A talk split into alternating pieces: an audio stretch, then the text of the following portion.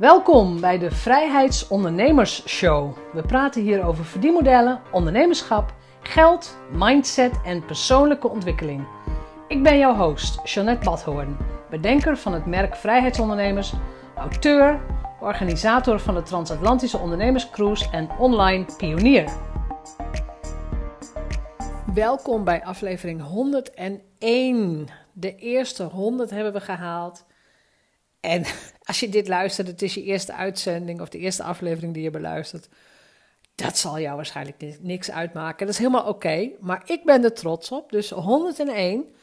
En vandaag begint de podcast 10-daagse. Ik ga tien keer met podcasters praten. Podcasters die al een tijdje bezig zijn. Die ook al succes met hun podcast hebben gehaald. Maar die ook al hebben ontdekt wat een podcast kan doen voor je bedrijf. De eerste dame waar ik mee praat is Annika van Beek. En Annika is eigenlijk uit een gespreid bedje gekomen. Zij werkte bij de televisie als verslaggever. En ze heeft haar baan opgezegd, is gaan reizen. En dat is, nou weet je, ze is gaan reizen voordat COVID-19 uitbrak. Uh, ze is uiteindelijk ook hals over kop terug moeten komen. Maar zij heeft besloten om een, ja, een podcast is al, is, het is, het is een een auditief verslag, reisverslag van wat ze meemaakt, waar ze geweest is. Met prachtige fragmenten, lokale taal, geluiden uit de plekken waar ze is. Dingen die ze meemaakt. Het is, het is absoluut geen ondernemerspodcast of businesspodcast, maar ze zet zichzelf zo mooi op de kaart als professional. Vind ik in elk geval. We hebben een uh, gewoon een gesprek van mens tot mens, van ondernemer tot ondernemer. Waarom de podcast? Wat heeft ze meegemaakt? Waarom dit medium? waarom heeft ze hiervoor gekozen? En ehm, ja, ik weet je, ik kan je ook van harte aanraden om naar haar podcast te gaan luisteren. Want het is ook gewoon ontzettend interessant. Ja, ik ben zelf ook reisgek. Dus misschien, misschien dat dat uh, meehelpt. Dat zou goed kunnen. Maar ik zal de link van haar podcast ook uh, in de show notes zetten. Maar ik heb echt genoten van haar reisverslagen. Ik vond het prachtig. Dus ik hoop dat jij dat ook doet. Veel plezier met Annika van Beek. En ik uh, bedank je voor het luisteren. Maar ik hoop ook dat je de komende negen keer ook mee gaat luisteren. Omdat, een, omdat ik met nog veel meer podcasters ga praten. Dus veel plezier. Welkom, Annika van Beek. Daar praat ik vandaag mee. Hallo Janet. Ja, fantastisch. Ontzettend leuk dat je tijd voor ons uh, maakt.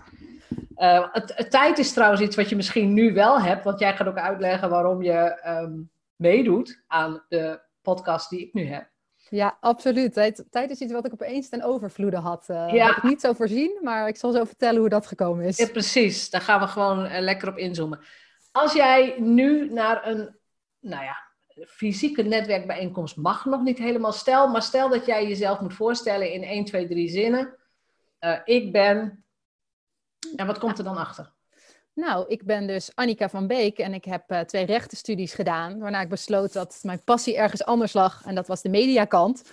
En uh, daarin heb ik gewerkt als verslaggever. En toen ik besloot op reis te gaan, dacht ik dat is een mooie kans om een ander medium te gebruiken. En dat is het produceren van een reispodcast, waarin ik via interviews met de lokale bevolking van onder andere Centraal-Azië, eigenlijk andere reizigers of thuisblijvers, een kijkje wil geven in het leven daar. Ja, nou je maakt, je maakt een paar hele grote stappen. Twee rechtenstudies. Waarom twee? Dat alleen al. Wat zit er in jouw karakter? ja, ik denk um, twee. Um, ik is een uitstekende vraag. Waarom twee? Ja, ik denk omdat ik altijd uh, best wel geïnteresseerd ben in veel onderwerpen. En vind het dan ook soms moeilijk om een keuze te maken daarin. Bijvoorbeeld met rechten heb ik privaatrecht heb ik een master ingehaald. Wat dus gaat tussen recht tussen burgers onderling. Vooral aansprakelijkheid en recht issues. Vond ik ontzettend interessant. Maar aansprakelijkheid recht op een groter niveau uh, tussen bijvoorbeeld overheden en internationaal gezien vond ik ook enorm interessant. Dus ik dacht, ja, ik wil gewoon meer hierover leren. En vandaar dat ik dan ook de internationale rechtkant ook op ben gegaan daarin. En die heb je ook afgerond? Ook afgerond, ja. Ook afgerond. En dan, is er dan iemand die tegen jou zegt, en niet oneerbiedig bedoeld, hè, maar meisje, je ziet er leuk uit, je hebt een leuke stem, je hebt, je hebt energie, kom lekker voor de camera? Nee, absoluut niet. Nee. Hoe ging dat? Ja, ik moet zeggen, ik uh, heb het recht altijd heel erg interessant gevonden. En dat vind ik het ook nog steeds. Uh, Ik lees er ook nog regelmatig veel over. Um, dat ik toch een beetje bij wil blijven. En ik was ook eh, aan, aan de slag. Ik had ehm, een stage bij de Nederlandse ambassade gedaan in Thailand, voor het ministerie. Dat ging allemaal heel goed. Ik heb bij eh, grote kantoren heb ik stages gelopen. Voor de Universiteit in Amsterdam lesgegeven. Ging ook allemaal heel goed. Dus dat was het allemaal niet. Het was gewoon dat ik op een gegeven moment dacht, ik mis een stukje ehm, extra creativiteit.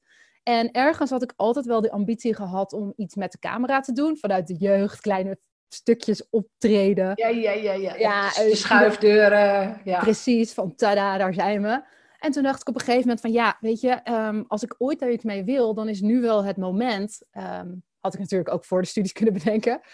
Maar uh, ik dacht, ja, weet je, waarom gaan we dit niet een keer proberen? En toen ben ik ja, bij, via lokale omroep, omroep Venlo, ben ik bij begonnen. En daar kreeg ik eigenlijk meteen een mooie kans om uh, een uh, ja, live actualiteitenprogramma te presenteren. Waarbij dus wel mijn achtergrond in het recht ook kon helpen. En tegelijkertijd ja, een hele leuke ervaring in de mediawereld was. Is dat voor veel mensen die in de media werken een springplank, de regionale omroep? Het hangt er een beetje van af, want ik heb natuurlijk geen journalistieke uh, achtergrond. Dus voor mij was dit een uitstekende manier om laagdrempelig te beginnen. Ja. Uh, ik weet niet of dit voor iedereen zo is. Ik, er zijn ook mensen die hebben een journalistieke, uh, in hun um, opleiding beginnen ze die, direct al eigenlijk met stages bij de landelijke media. Dus het is zeker niet voor iedereen zo. Maar het gebeurt wel regelmatig. Naar ja, ik, ik zie het wel vaak, ja. Dat ze gewoon vanuit, vanuit nou ja, opre oprechte interesse, passie, ergens beginnen, hè, toevallig dicht bij huis, en dan talent hebben en doorstromen. Ja, ik uh, moet zeggen, ik ben ook wel blij met de keuze die ik heb gemaakt. Ik, uh, de laatste twee jaar heb ik als freelance presentatrice gewerkt voor diverse omroepen. Maar vooral ook van achter de camera bij de landelijke media, daar was ik dan verslaggever. Dus bij RTL Boulevard ben ik dat geweest. En meest recentelijk bij het consumentenprogramma Radar voor Avrotros. En dat was ook weer heel mooi, omdat dat dus weer rechten combineerde met het maken van tv. Ik, ja, ik, ik, het is natuurlijk mooi als al je talenten op één plek samen gaan komen.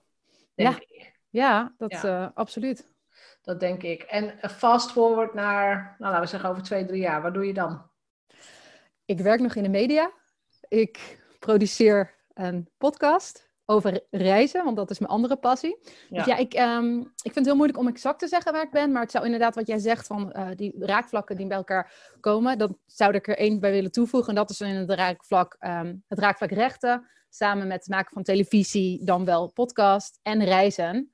Dat zijn eigenlijk de drie dingen waar ik meest interesse in heb. Dus dan zit je dan toch al snel, denk ik, in een, uh, even kijken, een uh, programma over mensenrechten, internationaal gezien ja. ja. ik denk dat dat dan een beetje wel de droom is. Internationale issues onder de ja. brengen in Nederland. Ja, en ik denk dat met mijn reispodcast um, niet alle onderwerpen daarvan gaan daarover. Maar het raakt wel al soms ook het onderwerp mensenrechten. Ook al ja. is het wat veel luchtiger over het algemeen gezien dan dat. Ja, laten we eens overstappen naar jouw podcast. Hè? Um, ergens heb jij besloten, ik ga op reis. Samen met je partner, met je vriend. Ja. We gaan een jaar lang weg. Ja, dat was een uh, mooi besluit. Want dat is iets wat ik uh, altijd al graag nog een keertje wilde doen. Ik heb altijd veel gereisd. Ja. Um, we zijn een keer met de Trans-Mongolië Express door Rusland en Mongolië en China gegaan. En door naar Zuid-Korea en nou, nog veel meer landen. En dat wilden we altijd nog een keertje doen. Dus toen dachten ja. we, laten we een plan daarvoor maken. Ja, nou ja, de meeste mensen die op reis gaan, sowieso beginnen ze in Bali of zo, maar jij niet. Je hebt een hele andere route gekozen, dat, dat is leuk. Maar dan ook uh, dat je jezelf eigenlijk de verplichting oplegt. Dat heb je zelf gedaan. Ik ga er een podcast van maken. Ja, nou dat heeft dus ook mee te maken dat, um, omdat ik in de mediawereld werkte, um, of werk, heb ik ook leuke connecties en mensen die dus net iets anders doen op het mediavlak. En ja. wie mij bijvoorbeeld daarvoor inspireerde was Hans Zimmerman. Hij werkt um, met audio-nabewerking voor podcast, maar heeft ook zijn eigen podcast op NPO, Hans, Zimmerman in Space ID. En met hem was ik aan het nabewerken, de audio voor Radar, het consumentenprogramma dus. En hij zei op een gegeven moment van, nou ja, als je zo graag iets wilt doen op reis, want dat zei ik, ik wil iets maken. Waarom ga je niet voor een podcast? Want in eerste instantie neigde ik naar video, omdat ik nou eenmaal videomaker ben. Maar toen dacht ik, ja, omdat ik ook perfectionistisch ben, kost dat gewoon gigantisch veel tijd. Ik moet uh, continu met een camera lopen, precies dat perfecte shot. Dan ja. gaat het vakantiegevoel wel een beetje weg. En zeker voor mijn partner, mijn vriend ook. Ja. Die loopt daar niet op te wachten. En toen had hij het idee van een podcast. En toen dacht ik, ja, wat een tof idee eigenlijk. Nooit eerder over nagedacht? Nee, Ja, ja. Eigenlijk is het een soort radio maken, hè? Ja, klopt. Maar omdat ik gewoon ehm, de televisiekant op uh, nou eenmaal ben gegaan, ja. lag dat niet direct waar ik in het kader van waar ik aan dacht, nee. Oké. Dan komt het woordje podcast. Hè? Iemand zei tegen jou van, ga maar een podcast maken. Hoe, hoe ben je dat aangevlogen? Want ik weet dat heel veel mensen die luisteren, die zouden best graag een podcast willen produceren, willen maken enzovoort. Maar die zijn bang voor de techniek, voor het werk, voor alles. Hoe heb jij het aangevlogen? Ja, ik had natuurlijk het voordeel dat ik een connectie had die mij daar veel over kon vertellen. Um, Hens, dat was echt mijn, uh, nog steeds mijn podcast held. Dat als ik het goed weet, kan ik het altijd aan hem vragen. Dus zonder hem, kan, ik kan oprecht ook zeggen dat zonder hem was die podcast er niet geweest. Dat is een goeie, ja. Ja, dat is echt absoluut waar. Zowel qua inspiratie als inderdaad de hulp met de technische kant. En verder ben ik meteen online gewoon veel gaan lezen over, oké, wat komt er nou bij kijken? Zodat ik zelf ook wel een beetje een idee heb. En de verhaalvertelkant, dat heb ik natuurlijk wel al in me. Omdat ik inderdaad programma's maak op tv en daarin een verhaal moet vertellen. Mhm. Dus zo'n, daar hoefde ik weinig voor te doen. Dat snapte ik wel, hoe dat werkt. Maar je zegt dat, voor, voor mij twee belangrijke dingen. Uh, het eerste is, je hebt een coach, mentor, een begeleider. Iemand die, die jou ook het vertrouwen gaf dus die, die de expert was hierop, maar die jou ook het vertrouwen gaf, dit kun jij ook. Absoluut, ja. Dat is Hoe belangrijk is dat voor jou? Voor mij was dat heel erg belangrijk, vooral omdat het daardoor opeens uh, heel erg haalbaar lijkt. Ja. Ja, ja. iemand die je echt kan zeggen, uh, op, eh, vooral ook iemand die je op weg kan helpen. Bijvoorbeeld, welke apparaten heb je nou nodig? Uh, moet je, want je denkt vaak, oh, misschien moet ik een heel duur iets kopen. En hij kon me gewoon heel snel vertellen, nou ja, er is ook een klein apparaatje dat je bij wijze van 100 euro kost. En daar red je het ook mee. Ehm, die je kon vertellen, nou ja, um, audio-nabewerking is inderdaad heel erg belangrijk. Want dat heb ik dus wel ook geleerd. Als de audio storend is tijdens een podcast, ja, dan haken toch veel mensen ook af. Dus dat moet gewoon wel goed klinken, zodat je daar ook wat in verdiept. En uh, ja, dat was wel heel belangrijk. Ja. wat voor soort apparatuur had je bij je op reis bijvoorbeeld? Waar nam je mee op? Ja, ik heb een, um, een klein apparaatje, dat heet een Zoom IQ6. En dat uh, klik je onder in je iPhone. Uh, en daar zit dan ook een uh, plopkap op, dus iets wat de wind tegenhoudt voor ruis. En dan kan je de audioniveaus ook bij instellen. En dat heb ik dus ook op aanrader van mijn coach ja. gekocht. Um, ja. En die is dan toevallig alleen beschikbaar voor de iPhone. Maar er is volgens mij ook uh, zijn er allemaal andere apparaatjes op de markt. Maar dat maakte het heel erg handig. Ik hoefde geen extra apparatuur. Het is gewoon een losse microfoon die ik dan op mijn telefoon klik. Maar was dat echt een telefoon die aan je telefoon... Nee, een apparaatje wat aan je telefoon vast zat? Of was het echt ook een dagspeld iets? Nee, echt gewoon een apparaatje dat je erin klikt. Dat je erin klikt, ja. Ja. Ah, oké. Ik zie hem. Voor de luisteraar, het is inderdaad... Je klikt hem onderaan de iPhone en er zit een grote kap overheen. Dus daar wordt veel uh, ruis uitgehaald veel wind en dat soort dingen. Ja. ja, zeker omdat ik mijn interviews vaak uh, buiten uh, plaatsvinden en geluidjes neem ik op. Uh, dus ja, dat, daar staat heel handig Maar dat is dus al een geruststelling. Iemand zegt, nee, je hebt helemaal geen dure, grote apparatuur. Je hoeft je, hoeft je helemaal niet kapot te sjouwen met spullen. Nee. Dit is genoeg. Precies, ja. Ik uh, ben heel blij met uh, dit apparaat. En ik kan me wel voorstellen dat als je studio-interviews gaat doen en je wil echt hele goede kwaliteit hebben, dat je op een gegeven moment naar wat beters gaat, uh, wat voor je geschikt is voor interviews in huis. Maar voor, ja, als je wil beginnen, ik, doe, ik ben vorig jaar begonnen en ik doe er een jaar nu uh, mee en het werkt prima. En ja, maar dat is het. Laat je niet verlammen door het feit dat je, uh, je hoeft geen Radio 1 kwaliteit te leveren. Nee, en ik moet zeggen, ik heb van gewoon een vreemde ook een keer gehoord, die, die luisterde mijn podcast en die zei van, wow, de audio klinkt echt, echt heel goed. En dat is natuurlijk meer dan alleen het juiste um, apparaatje, de juiste microfoon. Alleen daar begint het wel bij natuurlijk. Begint het bij en een stuk nabewerking door een professional. Ja. Absoluut, dat is zeker belangrijk. Dus techniek is nooit een reden om niet te stoppen. Nee, nee, maar het is wel iets om uh, in te verdiepen. Het, je, tuurlijk, maar goed, dat is, dat is leerbaar. Zeker. Bedoel, verdiep je er één, twee dagen in, vraag wat mensen om advies en je kunt beginnen. Dus de techniek had je. Je had, je had inderdaad een mentor die zei van, nou, dit, dit is leuk, dit kun je doen. En dan? Ja, dan ga je toch... plan of wat heb je gedaan? Nou ja, allereerst moest ik gaan bedenken, wat, uh, wat wil ik met mijn podcast? Precies. Mijn ja, mijn podcast um, heet Along with Annika, omdat je dus echt met mij meereist. Dus ik dacht, ik wil het persoonlijk houden. Ik wil dat mensen het gevoel krijgen um, dat ze inderdaad bij wijze van in mijn backpack meezitten. En ik, ik sleur ze mee op reis en ze horen hoe het eraan toe gaat.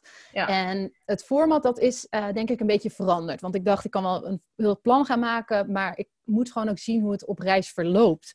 Ehm, kan ik overal zomaar opnemen? Of eh, is dat wat lastig? Wil ik mensen interviewen? En dan vooral ook voor mij, omdat ik mensen op reis ga interviewen, spreken ze überhaupt de taal wel? Omdat ik dat allemaal niet wist, moest ik me gewoon flexibel opstellen. En daardoor eh, was het aan het begin ook een, best wel een mix. Dus de ene aflevering had ik een interview bijvoorbeeld met een ehm, inwoner van Turkije over de Ramadan. Hij sprak Engels, maar toen was ik in Georgië en kon ik weer geen Engels sprekende mensen vinden. Dus toen gingen we hiken door natuurgebied Vanetti. En dat was dan weer een aflevering waarbij um, mensen uh, ja, met mij meereisden. En ik vertelde hoe het ging. Ik maakte geluidjes. Ik nam, nam ik op. Ik uh, nam gesprekken tussen mij en mijn vriend op. Uh, dat we bij wijze van de sneeuw invielen. Dus dat was weer een heel andere. Dus ja. mijn tip zou eigenlijk zijn als je wil beginnen en je weet het nog niet zo goed. Maak het niet te moeilijk voor jezelf dat je meteen aan een onmogelijk schema moet houden qua format. Probeer ook gewoon wat uit. Want ja. hoe storend is het nou dat ik de ene keer een interview heb en dan weer uh, dat je met me meereist in de backpack bewijzen van. Ik ben het helemaal met je eens. Want toen ik begon had ik ook uh, niet zozeer een plan. Qua format of qua nou ja, frequentie heb ik mezelf wel uh, opgelegd. Hè, 100 in 100. Wat um, frequentie ook. ja, ja, nou 100 podcasts en 100 dagen, hoppakee. Maar ik inderdaad, ik heb solo-afleveringen gedaan. Ik heb lange solo. Ik heb hele korte solo-afleveringen. Op een gegeven moment ben ik met de interviews begonnen. En ik heb gewoon steeds mijn statistieken in de gaten gehouden. Wat vinden mensen leuk? Ja, Wat nee, wordt goed beluisterd? En dan is het voor mij heel simpel. Nou, dan doe ik daar meer van. Dat is... Ja. Dat is um, ja. ja. het is ook gewoon uitproberen, want het is logisch. Overal waar je mee begint, weet je nog gewoon niet wat nou precies gaat werken. Nee. En natuurlijk kan je een beetje onderzoek erover doen, maar je moet ook wel uh, blijven doen wat je leuk vindt. Als ja. ik ergens ben en ik vind niemand leuk om een interview mee te doen, ja, dan wil ik ook geen interviewaflevering maken, want dan heb ik een interview dat misschien niet leuk is. Ja, dan nee, dat klopt. een loop met mij mee aflevering bewijzen ja. van. En wat, wat was voor jou de drijfveer om, want je hebt ook tijdens je reis dus ook veel kostbare tijd besteed aan deze podcast. Ja, ja, dat uh, tijdsbesteding was wel een dingetje, want ik begon heel ambitieus met één keer in de week produceren. Um, dat heb ik al heel snel laten hangen en wilde ik twee keer per week doen. Maar uiteindelijk is het op de reis gewoon uh, één keer in de twee weken, dan maar één keer in de drie weken. De consequentie was er gewoon niet. Omdat wat jij zegt, kijk, ik, het is kostbare tijd. Je bent daar nou eenmaal. Je wil dan ook maximaal genieten. En dat is nog iets om ook over na te denken als je een podcast wil beginnen. Wat voor format heb je? Uh, want mijn format is bijvoorbeeld, ik loop door een stad. Ik neem heel veel geluiden daarop. Ik neem uh, gesprekken op als ik een broodje bestel. Um, dus daar ben je sowieso mee bezig. Dan vervolgens, als ik een aflevering ga maken, moet ik al dat materiaal terugluisteren. Wat heb ik allemaal? Moet ik de stukjes kiezen, neerleggen op mijn tijdlijn? Dan moet ik er een voice voor schrijven. Moet ik een berichtje schrijven dat het een helder verhaal maakt. Achtergrondinformatie opzoeken, knippen, plakken. Dus ja, je hebt gewoon gigantisch veel materiaal. En dat moet je dan allemaal door. En op reis dat allemaal doen, ja, dat werd er heel snel duidelijk. Dat is gewoon ja. te veel. En dat is ook denk ik wel een beginnersfout van mij geweest. Dat ik, um, we begonnen onze reis in Turkije en zijn toen overland helemaal Centraal-Azië doorgegaan tot aan China. Ja, en in Istanbul, de eerste stad, heb ik echt, ik denk, twee à drie uur aan materiaal opgenomen. Dat ik gewoon heb moeten zeggen, ik ga gewoon hier niks van gebruiken. Want het gaat gewoon een hele dag kosten, als niet meer, om het alleen al terug te luisteren. Dus ja ja, het is echt te veel. Ja, dat is te veel, dat snap ik ook wel. Oh. En weet je, jouw reisformat is natuurlijk iets heel anders dan dat wat ik doe. Hè? Qua interview, ik, er wordt niet, niet, niet of nauwelijks in geknipt. Ja. Alleen als er een technische storing is. Dus het interview komt gewoon integraal online. Um, dat is voor mij wel geruststellend. of niet drie uur lang terug te luisteren naar wat was nou de golden ja. nugget uh, hierin. Nee, precies, ja. En, en dat is, ik kan me heel goed voorstellen dat het heel fijn werkt. Dat is ook als ik nog een podcast zou produceren, zeker ook iets waar ik over na zou denken of dat leuk kan zijn. En nu moet ik ja. helemaal zeggen dat voor mijn reispodcast ben ik heel blij met dit format hoor, dat ik heb gekozen. Ook de interviews die ik namelijk doe, die knip ik namelijk wel op, omdat soms zegt iemand wat over... Um, nou, laten we zeggen, in Tajikistan had ik een interview uh, over de Pamir Highway uh, met een lokale bewoner. Ja, daar zijn we helemaal over gereisd, een week lang. Dus als hij iets vertelt daarover, dan heb ik toevallig ook een reactie van mij dat wij precies datgene misschien zien. En ja. dat is dan heel leuk om het um, wat levendiger te maken. Ja, dan maak je er echt een aud auditief verhaal van. Precies, ja. alleen dat kost wel uh, flink dat wat kost tijd. tijd. wat, wat, wat, wat was jouw intentie toen je die podcast begon? In de zin van, wat wou jij dat je podcast voor jou ging doen? Ja, ik dacht, um, het, het, is een leuke herinnering persoonlijk. dat is Ja. een podcast altijd, want je, je gaat zelf ook weer mee. Ehm, maar de reden waarom ik het ook wel heb gedaan is, ehm, ik wilde bezig blijven met media. Ik wilde niet zomaar stoppen met iets wat ik eigenlijk heel erg leuk vond. En dat Ja. is het afnemen van interviews. En ik merk ook dat door de interviews die ik bijvoorbeeld opneem op reis, dat ik soms echt wel ehm, diepere gesprekken krijg met mensen die ik anders nooit had gehad. Om een voorbeeld te geven, in Kirgizië kwam ik aan en ehm, er was een eigenaar van een Airbnb en daar sprak ik even kort mee. En normaal was het uitwisselen van de sleutel, maar hij sprak best goed Engels. Dus ik dacht, nou, even leuk om wat meer te horen misschien. Zeker in Kirgizië, dat Engels is niet veel voorkomen. Dus ik denk, ik Nee. grijp mijn moment. Ja. En toen bleek het dat hij een priester was ook in zijn vrije tijd. Of, of in zijn vrije tijd, hij was gewoon priester. Ehm, buiten zijn Airbnb. En blijkbaar waren er best wel veel problemen in de regio. Omdat het een overal eh moslimgebied is. Waarbij eh, christelijke mensen eigenlijk niet eens konden begraven worden. En dat soms de graven werden beroofd. En nou, een super interessant verhaal kwam daar opeens uit. En als ik die podcast niet had gehad, was ik misschien ook niet zo diep met die man gegaan. Nee. nee, dan precies. Dan blijft het misschien bij het uitwisselen van wat beleefdheden. Dat Ja, merk ik ook. Als je in, in het, nu ook, want ik interview ook mensen, auteurs van boeken bijvoorbeeld, heb ik heel, veel gesproken. Mensen die ik best al lang ken. Maar juist omdat ik gewoon een uur lang intensief met ze praat, komt er veel meer informatie en leer ik die mensen veel beter kennen. Ja, dat is heel bijzonder, toch? Ja, ja, ja. nou ja, het is ook de aard van de, het is ook de intentie van de tijd die je met elkaar doorbrengt, denk ik. Ja, ja het wordt... Dus eh, voor jouw podcast, het was ehm, nou ja, inderdaad een mooie herinnering. Je wou je vaardigheden bijhouden. Heb je ook gedacht over een soort monetizing model? Dus moest de podcast geld op gaan leveren? Of wou je je next big thing ermee binnenhalen? Ehm, ja, kijk, weet je, geld ermee verdienen is altijd leuk. Maar Ja. daar heb ik totaal niet op ingezet. Ehm, zeker niet omdat ik net begon. Ik wilde eerst wat neerzetten. eh, ook gewoon kijken wat ik er zelf van vond. En ik vond het sowieso leuker aan eh, dat ik ook mensen die dus thuis blijven echt wel mee kon nemen op reis. En dat zeker in Centraal-Azië, dat is zo'n groot gebied met landen als Oezbekistan, Kirgistan, ehm eh, Tajikistan, waar mensen gewoon weinig over weten. Dus dat vond ik überhaupt ook al heel erg bijzonder aan de podcast. Dat ik anderen dat kon laten eh, meemaken. Ja, Ehm, en wat ik zeg, ja, geld verdienen uiteindelijk zou leuker mee zijn. Ik heb me er nog niet heel erg in verdiend, eh, verdiept. Ik weet wel dat het vrij lastig nog is met podcasts op dit moment. Dat je vaak sponsors moet zoeken, toch wel. ja, Ehm, daar zou ik zeker in de toekomst naar willen kijken. Maar wat het mij wel eh, geldtechnisch heeft gebracht, is dat ik eh, drie samenwerkingen ben aangegaan op reis. Dat ik echt heb gekeken, als ik bijvoorbeeld in, ehm, nou in Kazachstan, als ik bijvoorbeeld heb ik gekeken, is er nou een aanbieder van een bepaalde trip, een, een bepaalde activiteit die ik wil doen, die heel erg goed past bij mijn eh podcast doelgroep. En dat zijn eigenlijk mensen eh, die graag willen reizen, maar ook met een avontuurlijke inslag. En toen vond ik een bedrijf en die heb ik gewoon aangeschreven van nou, hè, zou in ruil voor de podcastaflevering, eh zou ik dan mee kunnen op deze tour en daar een aflevering echt van maken. En daar heb ik dus twee, drie, eh, vier misschien samenwerkingen uitgehaald. En dat heeft toch wel uiteindelijk 2000 euro misschien op het reisbudget gespaard, want het waren Ja, best wel dure activiteiten.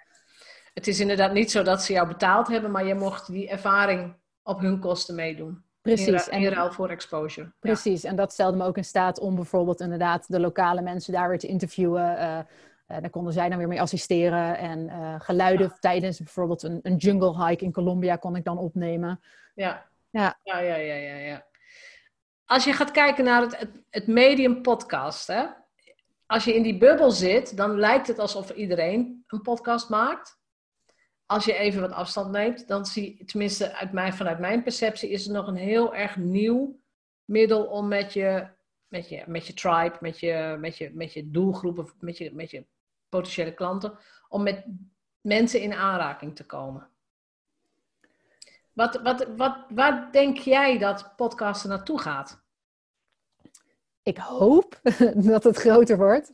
En Ja. vooral dat, ehm, kijk, we gaan natuurlijk allemaal met tv, gaan we meer on-demand. En ook met radio meer on-demand. En zo zie ik het eigenlijk als inderdaad radio on-demand. Je kan gewoon precies kiezen wat jij leuk vindt en wat je interessant vindt. En we gaan steeds, ehm, met al onze drukke levens, proberen we steeds ehm, efficiënter ook om te gaan met onze tijd. Dus je wil niet luisteren naar twintig blokken reclame of eh, onderwerpen die je misschien niet interessant vindt. Dus ik denk ook wel dat in, als je die ontwikkeling ziet, dat podcast eh, ja, wel groter kunnen worden nog. En dat nog meer mensen gaan luisteren. En dat zou heel erg mooi zijn, want ik denk dat er eh, op natuurlijk mijn reispodcast na zoveel andere reispodcasten zijn. Voor iedereen wat wils eigenlijk. Dus Ja. ik zou voor iedereen die nog niet echt podcast luistert, zeker zeggen, probeer eens gewoon. Ga eens gewoon luisteren en kijk eens wat jij een fijn format vindt. Net zoals dat je gaat zappen op radiostations van, is dit wel een radiostation voor mij? Is dit er één voor mij? En, ja, klopt. ja. Want het is wel mooi, je zegt radio on demand, hè? Dus, dus je luistert wanneer jij het wilt.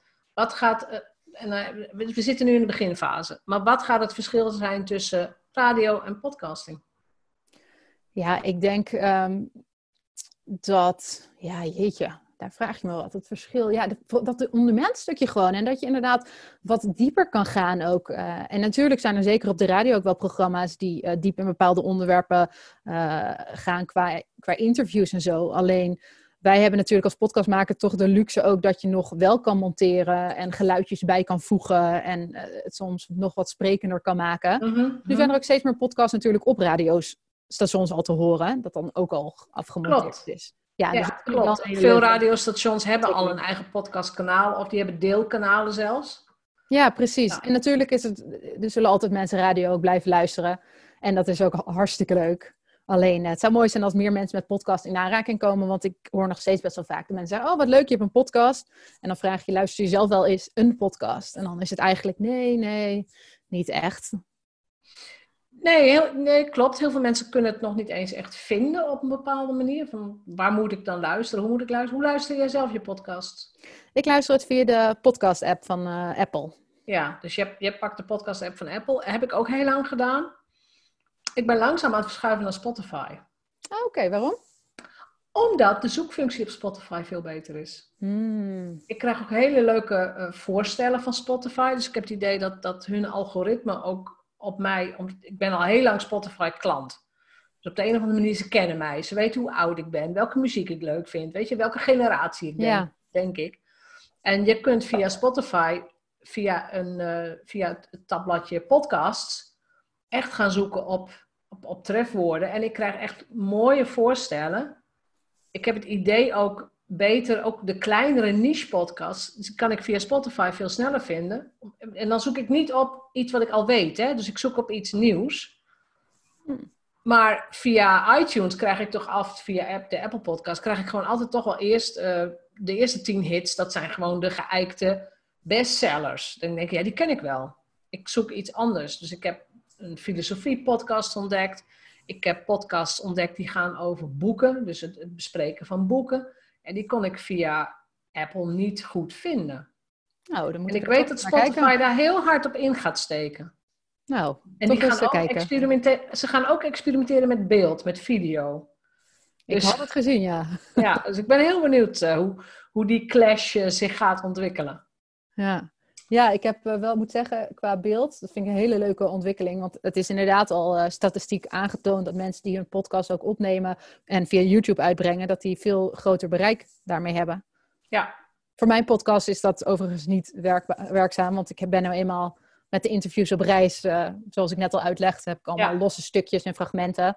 Ja, Wat overigens ook wel een voordeel was voor het afnemen van interviews soms hoor, dat je juist geen beeld had. Ehm, omdat ik in landen als Iran was, ja, de interviews die ik daar heb opgenomen, heb ik allemaal anoniem opgenomen. Ja. En sowieso het afnemen van interviews in Iran, ja, dat is wel echt risky business.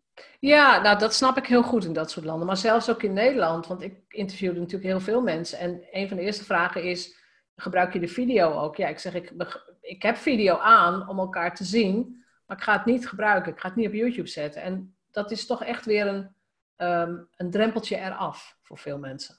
Ja, ben ik wel mee eens, ja. Zo van, ik hoef niet in de make-up, ik hoef niet op mijn achtergrond te letten. Nou, ik hoef dingen niet. Ik hoef alleen maar te praten. Ja. En ehm, nou ja, voor mij is het een bewuste keuze. Maar wat jij zegt, ja, als je het via YouTube ook nog gaat uitzenden, heb je ook ineens bam een eh, groot bereik. Dus misschien Ja. dat ik de audio voorzien, voorzien van een paar foto's of van een eh, van zo'n, hoe zeg je dat, van zo'n audio Audio grafiekje. Hoe heet dat? Een audio wave volgens mij. Een audio wave, ja precies. Dat ik ze dan wel op YouTube zet zonder de video te gebruiken, maar alleen met de audio. Dus ik weet het niet. Zal dat is ook het leuke, hè? dat er nog eh, in dit gebied heel veel ontwikkelingen gaande zijn. En dat je dus ook iedere keer nog meer over kan leren. En Ja. dat Ja. vind ik wel eh, tof. Wat zijn zelf jouw favoriete podcasts als je luistert? Ja, ik heb, um, ben wel echt groot fan van BBC The Inquiry bijvoorbeeld. Daar gaan ze dan, uh, uh, hebben ze iedere keer een vraag, maar dat is dan een vraag over internationale politiek. Maar het kan ook zijn bijvoorbeeld, uh, waarom roken we nog steeds? waarom is, er nog steeds honger in Jemen? Um, dat vind ik wel echt podcast met dat soort onderwerpen. En ik ben de laatste tijd een beetje aan het switchen, dus ik heb ben weer divers aan het uitproberen. Dus behalve die heb ik nu niet één favoriet verder. Behalve de Inquiry, die luister ik al jaren. Um, omdat, je, omdat je via die podcast, je leert wat tegelijkertijd um, over dus iets wat ik interessant vind. Internationaal, uh, ook een beetje mensenrechten. Maar ook gewoon zijn het vaak vragen die iedereen zich wel eens heeft gesteld. Bijvoorbeeld met dat roken. Waarom roken we nou nog steeds? En hoe werkt dat dan inderdaad dat we steeds meer naar een niet-rookmaatschappij gaan, maar het nog steeds niet mogelijk is om dat bijvoorbeeld te verbieden? Willen we dat überhaupt? Nou, ja, dus dat is eigenlijk journalistiek van, van meerdere kanten bekeken met feiten, met wetenschappelijk. Ja, precies. En dat zijn vaak ook uh, drie expert witnesses, dus drie ja. verschillende ja. experts. Ja, dat soort uh, programma's vind ik wel heel erg uh, prettig. En verder heb ik nog een lekkere inspirationele podcast van een, ja, een, hoe heet die? Ik ben de naam alweer kwijt. You're Welcome is een Amerikaanse podcast, maar dat is gewoon een, een, een ondernemende vrouw en die heeft een uh, miljoenenbedrijf inmiddels. En in die podcast vertelt ze eigenlijk over haar eigen weg daar naartoe, geeft lessen over het leven, over gewoon you are the CEO of your own life, weet je, dat soort spreuken. En dat luistert gewoon lekker weg als je ja. op de fiets zit of ja. dat soort dingen. Dus dat hangt me net van je moed een beetje af. Ja, nou ja, ik schrijf ze in elk geval op. Yo, welcome klinkt inderdaad oh, dat hebben we af en toe gewoon even nodig. Ja, het, uh, het, het, sprak me wel aan. Gewoon een beetje persoonlijk en ja luisteren. En toch wat leren voor je gevoel. Ja, ik heb heel veel geluisterd naar, ook naar Amerikaanse podcasts. Dus de ondernemers die toch een paar jaar op ons vooruit lopen. De Amy Porterfield, ik weet niet of je haar kent. Ja. En online marketing, online marketing made easy. Heel veel nageluisterd. Pat Flynn uh, was een van de eerste grote podcasters, ook veel naar geluisterd. En als het gaat over die niche podcast, ik heb een hele leuke podcast ontdekt van, um, ik denk van de VRT, van de Belgische Omroep. En die podcast heet Iemand. Ze hebben nog niet eens heel veel afleveringen, maar het mooie is dat ze dan één iemand, een onbekend persoon, dat ze daar het levensverhaal gaan, van gaan vertellen. Hmm. En dat, nou ja, dat kan een, een, weet, een, Ze hadden laatst een interview van een vrouw van, weet ik veel, 293. Die had ontzettend veel meegemaakt en die was nog heel goed bij. Maar gewoon het verhaal vertellen. Ik denk, hoe cool zou het zijn als mijn oma dat ooit had gedaan? Dat, dat ja. levensverhaal. bedoel, omdat wij die middelen toen niet hadden. Ik heb zelfs geen audiofragmenten van mijn oma's bijvoorbeeld. De, de, stem. En dat vind ik juist mooi van dat soort uh, niche-programma's. Ja, absoluut. Het doet me een beetje denken aan Man met de microfoon. Die gaat dan natuurlijk gewoon op straat ook mensen wat vragen stellen. En dan komt hij vaak tot diepere verhalen van mensen. Ja. En bijzondere ja. dingen die er dan zijn gebeurd. Ja, ja, ik vind het leuk. Ik hou van, van gewone verhalen. Dat vind, ik vind het wel mooi. Maar ik vind de filosofie-podcast ook heel erg leuk. Nee, wat, wat jij zegt met die um, gewone verhalen, dat is wel het leuke aan de interviews die ik dan ook in mijn reispodcast doe. Het ja. zijn ook gewoon gewone mensen die ik dan ja. interview. Om een voorbeeld te nemen in Iran, daar had ik dan een interview met een uh, twintiger over vinden van liefde in Iran. Want het is natuurlijk een zwaar islamitisch land. En blijkbaar trouwen dat dat degene voor jou is. Kun je die nog een keer zeggen? Hij bleef, bleef oh, even hangen. Ah, oké. Okay. Um, ehm, bijvoorbeeld in Iran, uh, daar had ik een twintiger had ik geïnterviewd, een twintigjarige jongen, over het vinden van liefde in Iran. En Iran ja. is natuurlijk zwaar islamitisch. En ja, daar trouwen mensen gewoon binnen twee, drie maanden. En die kon ik ook gewoon vragen stellen als, ja, hoe weet je dan of je echt verliefd bent en of je je leven met diegene door wil brengen? En toen zei hij ook van, ja, dat weet je niet. En omdat ik dus bij die mensen thuis was, um, heb ik heel privé inkijkers gekeken in het leven, waar wij eigenlijk vooral op het nieuws heel veel negatieve dingen over zien. En dan heb je via die interviews ook maar door. Dit zijn ook precies mensen zoals.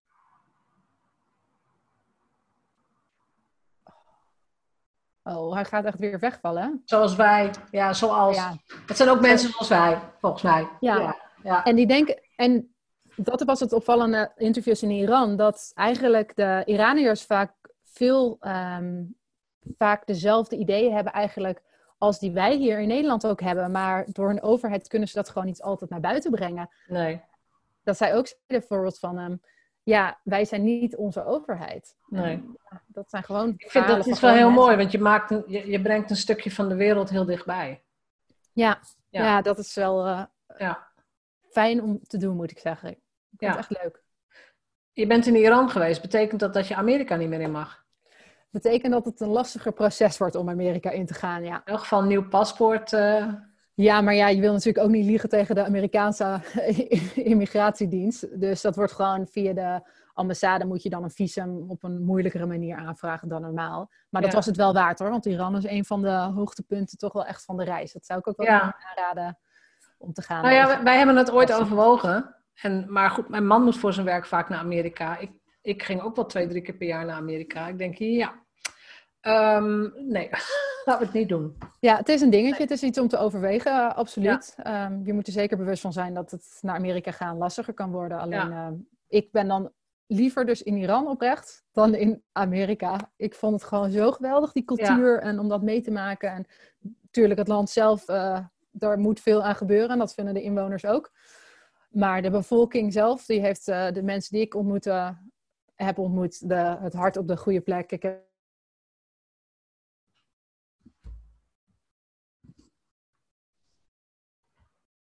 Dus het weer, hè? Ja, doe het weer. Zet anders even de video. Zullen we de video even uitzetten? Ja, is goed. Even kijken. Want je zei, ze hebben het hart op de goede plek. Ja, en ik heb, nog nooit, ik heb nog nooit zulke gastvrijheid ervaren als ik in Iran heb ervaren. Je hoeft maar op een plein te staan, even verdwaald om je heen te kijken. Mensen komen je helpen. Ja, Uh, je, eten werd ons allemaal aangeboden. We werden bij alle gezinnen uitgenodigd om uh, met hun familie uh, te dineren. ja, dat heb ik in Turkije meegemaakt, heel erg lang geleden. Toen Turkije denk ik nog minder toeristisch was. Ik heb het over, weet ik veel, 1993 of zo. Oh, wow. Wat, je, wat jij beschrijft, ja, ik ben iets ouder dan jij. Maar wat je beschrijft, je stapt uit, een, uit zo'n bus, want ze hadden allemaal, ze hebben in Turkije zo'n bussysteem toen. Ik weet niet of het nu nog zo is. Maar je stapt uit een bus, je komt op een pleintje, je weet niet precies waar je, waar je over gaat overnachten en zo. Mhm. En dan binnen tien minuten staat er gewoon iemand naast je die zegt, goh, wat heb je nodig? Dan zal ik je helpen.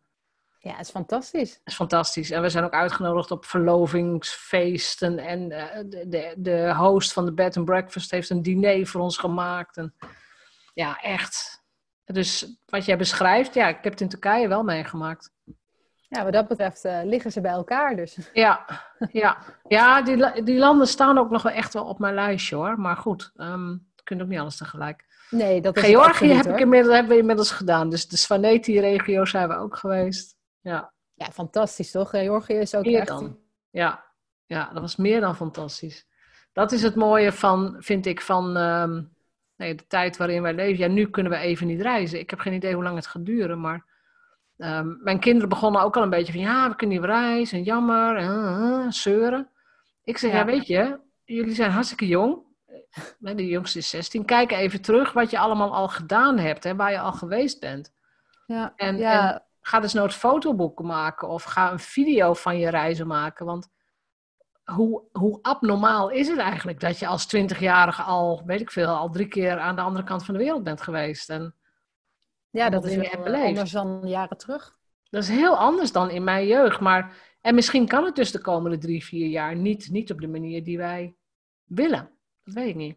Nee, ik uh, moet zeggen, mensen vragen me ook wel eens, oh, en ben je dan al bezig met je volgende reis plannen? En zeg ik, ja, normaal eigenlijk altijd, ja. maar nu totaal niet. We weten gewoon niet hoe dit invloed, van invloed gaat zijn op ons reisgedrag. Ik kan me ook voorstellen dat um, het echt jaren duurt voordat we überhaupt weer op het reisniveau kwamen waarin we dat uh, voor de coronacrisis hadden. Want ja. uh, vluchten die minder zullen gaan. Ik kan me ook voorstellen dat landen strengere eisen hebben voordat je zomaar de, het land binnen mag. Want als Nederlanders hadden we het fantastisch goed. We konden overal eigenlijk bijna naartoe. We ja. staan in de top zes volgens mij van uh, makkelijkste paspoorten. Ja, wij hebben een gouden paspoort. Ja. Klopt, we hebben echt een paspoort waar, je, waar we heel veel mee kunnen. En de, de prijzen van vluchten waren ongekend laag. Dus wij hebben gewoon, nou ja, echt heel veel voordeel gehad misschien van de situatie. Ja, en ik probeer er ook om eerlijk te zijn niet te veel over na te denken. Nu, het is gewoon, de gezondheid heeft nu allemaal prioriteiten. Ja. Er zijn genoeg mensen die kunnen nooit reizen omdat hun financiële situatie het niet uh, toestaat. Dus we hebben het enorm goed gehad. En ja. het is nu gewoon even afwachten, hoe jammer het ook is. Maar gezondheid uh, is belangrijker. Ja hoor, ik heb uh, thuis ook gezegd, we gaan dit jaar niet, we gaan sowieso niet op reis. We gaan niet op vakantie. Ehm, we gaan voorlopig een jaar niet vliegen, heb ik gezegd. Want ik vind vliegen, als het weer zou mogen, nog steeds hoog risico. En er hoeft maar één iemand in te zitten die, die het virus wel bij zich draagt. Dus dat doen we niet. En toen heb ik ze heel erg bang gemaakt. Zeg, we gaan op fietsvakantie door Nederland. nee, daar waren ze niet enthousiast van? Nee, mam, je gaat maar alleen. nou, wat je zegt met die vliegtuigen is wel interessant, want ik ben um, gerepatrieerd uiteindelijk uit Peru, omdat ik daar dus vast kwam te zitten. Um, maar dan ging je uiteindelijk ook op de vlucht met z'n allen naast elkaar weer. En er werd wel gewoon gezegd vanuit de KLM, uh, die de vlucht uitvoerde, van nou probeer zoveel mogelijk uh, afstand te bewaren bij de toiletten bijvoorbeeld, waar het kan. Want dan natuurlijk, je zit met je buren naast elkaar, maar je hoeft niet met het hele vliegtuig meteen in aanraking te komen. Alleen dan had je toch weer mensen die het gedroegen alsof het een hostel was. Die gingen dan toch met z'n allen lopen kletsen weer aan de andere kant van het vliegtuig. En, Klopt, ja. Ja, dat, dat hou je altijd. Dus dat is wel uh, ja, nog steeds een ding. Nou heb ik bij een vliegtuig ook niet de illusie dat je daar ontkomt aan, aan wat voor virus dan ook. Want die lucht die wordt, wordt volgens mij allemaal gehercirculeerd. Volgens mij, weet ik niet zeker, ik ben geen expert. Maar ik denk, ja, weet je, als er iemand tussen zit en die lucht die wordt weer opnieuw gebruikt dat, dat komt echt wel ergens langs. Maar goed. Ja. Ik weet het ook niet, maar we wachten nee, het af. Voorlopig weet je, dat, dat doen we even niet. Stel, jij mag twee, drie jaar niet reizen. Kan gewoon niet. Zou je dan een, een andere podcast gaan maken? Absoluut. Ik, Vertel. Ik kan er inhoudelijk nog niet veel over zeggen, want ik ben juist op dit moment ben ik bezig met het uh, ontwikkelen van een uh, format. Uh, maar dat heeft wel met culturen binnen Europa te maken. Dat is ah, wat ik Je hebt al een idee. Ik heb al een idee, ja. Want ik ben dus weer terug nu in het land. En ik heb gelukkig nog heel veel podcasts te monteren over, van de reis, reispodcast. Want we zijn gebleven in Oezbekistan. Toen heb ik een paar um, corona-afleveringen gemaakt. Omdat ik dus inmiddels maanden verder was dan in Peru was aangekomen. Vanaf daar gerepatrieerd moest worden. Dus er zijn er een paar specials gekomen. Ja. En nu ga ik verder met Tajikistan. Maar dat betekent dus feitelijk dat er nog podcasten op de plank liggen over uh, Tajikistan, Kyrgyzstan, uh, Kazachstan, China, Nepal, Colombia, Ecuador. ja, die willen we, nog, die willen we natuurlijk ja, allemaal hebben. Dus die komen nog. En ja. toen was ik dus van de week bedacht, had ik lopen denken, ja, en wat daarna? Of tegelijkertijd. En ik ben dus bezig met een ideetje. En dat hopelijk snel meer over als het als ik het helemaal uit kan bedenken, leuk. Want daar ga ik wel wat meer planning voor doen. ja, en, en dat, daar zit dus ook meer snijvlak in met je achtergrond. Weet ik nog niet helemaal. Um, weet ik nog niet helemaal. Nee. Oké. Okay. Uh, Nee, het is, ik kan er nog weinig over zeggen, omdat het echt nog een concept is dat ik wat meer uitgewerkt wil hebben en ook misschien meer helder wil uh, hebben van, nou, ga ik dit wel proberen te pitchen aan een omroep of ga ik dit zelfstandig uitbrengen? Dat zijn vragen waar ik dan nu mee zit. Dus dan is het net nog wat te vroeg om het inhoudelijk uh, Ik snap hem. Ik snap, we houden jou gewoon in de gaten. Maar ik pitchen aan een om omroep snap ik ook, want er is altijd gewoon goede originele content nodig. Ja, en ik, ik weet ook nog niet, dus ook weer nieuw. Weten we het over hebben. Ja, ja, en het is ook weer nieuw voor mij om een podcast te pitchen. Dus daar moet ik natuurlijk ook weer even in verdiepen. Hoe werkt dat dan precies? Ja. Maar uh, het zou uh, een leuk iets zijn. Ja. Heb jij nog een laatste advies aan toekomstige podcasters of mensen die al een podcast hebben? Dus wat doe jij bijvoorbeeld om veel meer luisteraars te trekken? Of hoe ga jij je podcast hergebruiken? Heb je, heb je daar dingen mee? Um, toevallig ben ik nu wat meer aan het verdiepen in uh, hoe krijg ik bijvoorbeeld meer luisteraars. Want op reis was ik gewoon, uh, kost het al genoeg tijd om dat podcast online te krijgen.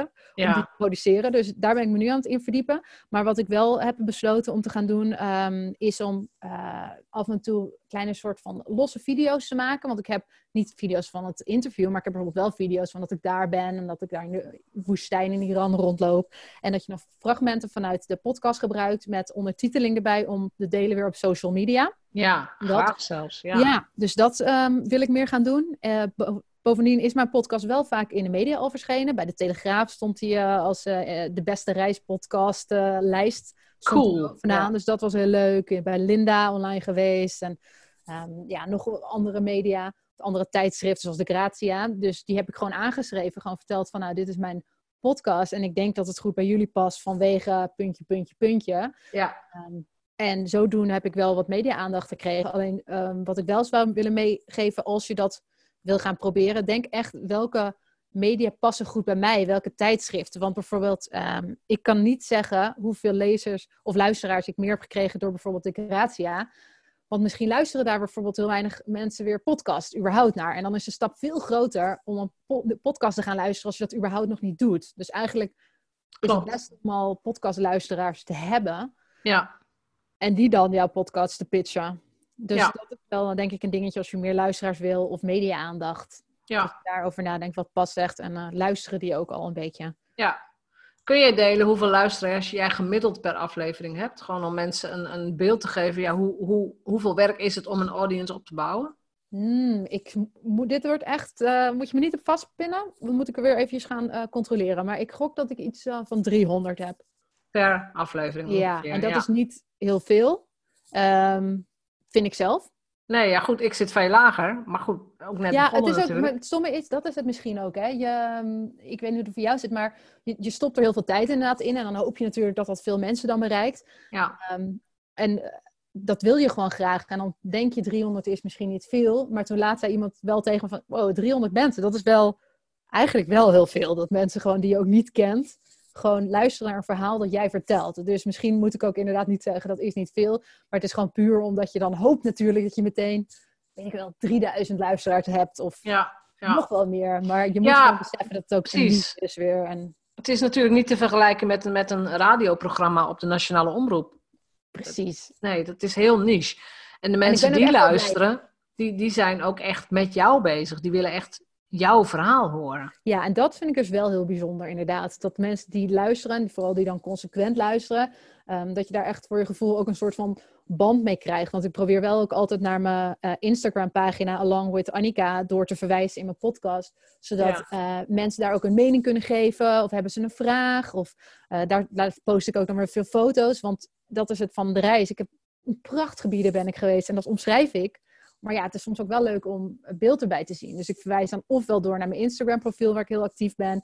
Of naar mijn website uh, Along with Annika waar dan uh, meer foto's zijn te vinden. Zodat je toch een beetje een um, crossmediale band ook krijgt. En dat ik ook van mijn luisteraars kan horen. Ja, nou ja, dat, dat, precies. Dat is wel een oproep aan iedereen die luistert. Laat ook van je horen als luisteraar. Ja, superleuk. Dat vind ik Ja. echt geweldig. Als ik berichtjes kreeg, toevallig, nou, ik kreeg laatst zo'n leuk bericht, dat maakte echt mijn hele dag.